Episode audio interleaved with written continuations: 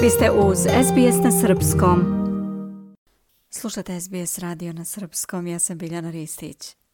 Najmoćniji sudarač čestica na svetu nastavio je sa radom nakon trogodišnje pauze. Naučnici Evropskog centra za istraživanje fizike CERN ovih dana su pokrenuli 28 km dug veliki hadronski sudarač, mašinu koja je pronašla takozvanu česticu Higgsovog bozona, koji se također naziva i Božja čestica. Ovo je prvo lansiranje najmoćnijeg i najvećeg svetskog akceleratora za sudare protonskih čestica, nakon što je ugašen zbog održavanja koje je dodatno produženo zbog pandemije covid -a. Posle značajne trogodišnje nadogradnje, njegov rad se nastavlja, a naučnici iz Evropskog naučnog centra veruju da će obnovljena mašina biti u službi pronalaženja potpuno novih čestica. Veliki hadronski sudarač se nalazi na graničnom području između Švajcarske i Francuske i sastoji se od skoro 27 km dugog kružnog tunela. U njemu je 7000 tona metala, silicijumske elektronike i i precizno složenih žica. Inače, taj najveći akcelerator za sudare protona prvi put je lansiran 10. septembra 2008. godine. Ponovno pokretanje sudarača je složen proces, a iz CERNA kažu nije samo puko pritiskanje dugmeta. Sve se odvija u atmosferi neke napetosti, nervoze, rekla je dr. Marcela Bonner, zadužena za operacije u kontrolnoj sobi. 100 metara pod zemljom dr. Bonner nalazi se u srcu velikog hadronskog sudarača, 27 km dugačkog prstena, superprovodljivih magneta sa brojnim ubrzavajućim strukturama u cilju pojačavanja energije čestica koje se kreću na tom putu. So I have a special key. So now I'm going to open for you. Posjedujem specijalni ključ i otključat ću prostoriju kako biste ušli da vidite.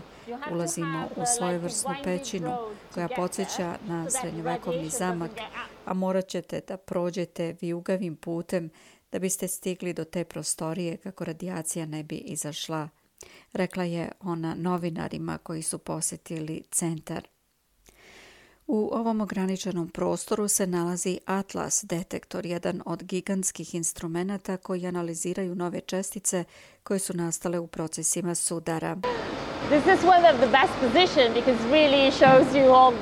Zar ovo nije jedna od najboljih pozicija? Pokazuje vam svu veličanstvenost ovog detektora, upitala je prisutne novinare dr. Bonner i ističe da sistem mora da funkcioniše u savršenoj harmoniji kao orkestar. Potencijalni problemi mogu nastati jer se materijali mogu skupiti pri nagloj promjeni temperature od 300 stepeni, ali i zbog problema u funkcionisanju na hiljade magneta koji drže milijarde čestica u čvrstom snopu dok kruže oko tunela. Inženjeri su proveli tri prethodne godine kako bi izvršili remont kompletnog sistema da ga učine još senzitivnijim nego pre. Najznačajniji remont i nadogradnja su izvršeni u delu magnetnog područja akceleratora. Magneti imaju izuzetnu ulogu u dovođenju čestica u snop i njihovom savijanju oko kružnog akceleratora, kaže dr. Rodri Jones, koji nosi titulu šefa snopa čestica. On kaže da su snopovi sada uži i više koncentrisani, što doprinosi znatnom porastu broja sudara. So what we've done is actually getting more particles into a smaller region, which means that when they reach the experiments, they have a much larger chance of collision. Ono što smo uradili je zapravo ubacivanje više čestica u manji region, što znači da kada stignu do dela u kojem se vrše eksperimenti, imaju mnogo veće šanse za sudar. A to znači da za svu fiziku koju smo uradili od pokretanja hadronskog sudarača u posljednjih deset godina, moći ćemo da dobijemo istu količinu podataka u naredne tri godine kao u tih deset godina.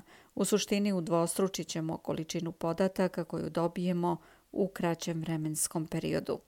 Dodaje da bi sudar trebalo da funkcioniše do sljedećeg gašenja koje će uslediti od 2025. do 2027. godine. To znači da sada postoji mnogo veća šansa da akcelerator pronađe čestice koje su potpuno nove za nauku. Među njima je i jedna koja se smatra odgovornom za novu petu silu prirode. Tokom prošle godine bilo je sve više dokaza o postojanju te nove sile, pa se stoga veruje da će remontirani sudarač čestica moći da ukaže na neki način da li ta sila zaista postoji. Dr. Sam Hartner je čitavu svoju naučnu karijeru potrošio kako bi otkrio petu silu prirode.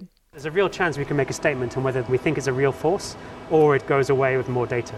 Postoji realna šansa da možemo da objavimo da li smatramo da je to stvarna sila ili će se desiti suprotno kad saznamo više podataka.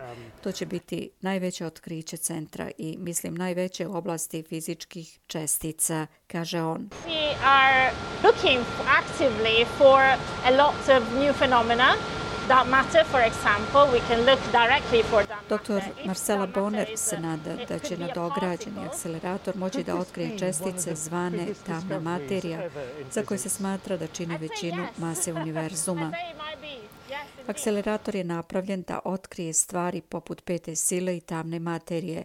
Fizičari su fokusirani na otkrivanje nevidljive i još neotkrivene tamne materije koja čine 84 odsto univerzuma i povezuje galaksije, ali njena priroda je još uvek nepoznata. Ako naučnici budu mogli da otkriju i opišu tamnu materiju, bit će to veliko otkriće koje će doprineti razumevanju univerzuma. Od otkrivanja Higgsovog bozona pre skoro 10 godina nije bilo velikih otkrića u toj oblasti, pa naučnici imaju mnogo razloga za sljedeću rundu eksperimenata u hadronskom sudaraču. Serija sudara čestica uočenih u CERNu između 2010. i 2013. pružila je dokaz o postojanju dugotražene čestice Higgsovog bozona za koji se smatra da je zajedno sa njenim energetskim poljem bila presudna za formiranje svemira nakon velikog praska pre 13,7 milijardi godina. Higgsov bozon je dobio ime po britanskom naučniku Peteru Higgsu. Od 1960. godine smatra se da bozon postoji kao deo Higgsovog polja. To je hipotetički sve prisutno kvantno polje koje je odgovorno za davanje mase pojedinačnim česticama. Piše novinar BBC-a Palab Goš za SBS News. Ja sam Biljana Ristić, slušate program na srpskom jeziku. Želite da čujete još priča poput ove? Slušajte nas na Apple Podcast, Google Podcast, Spotify ili odakle god slušate podcast.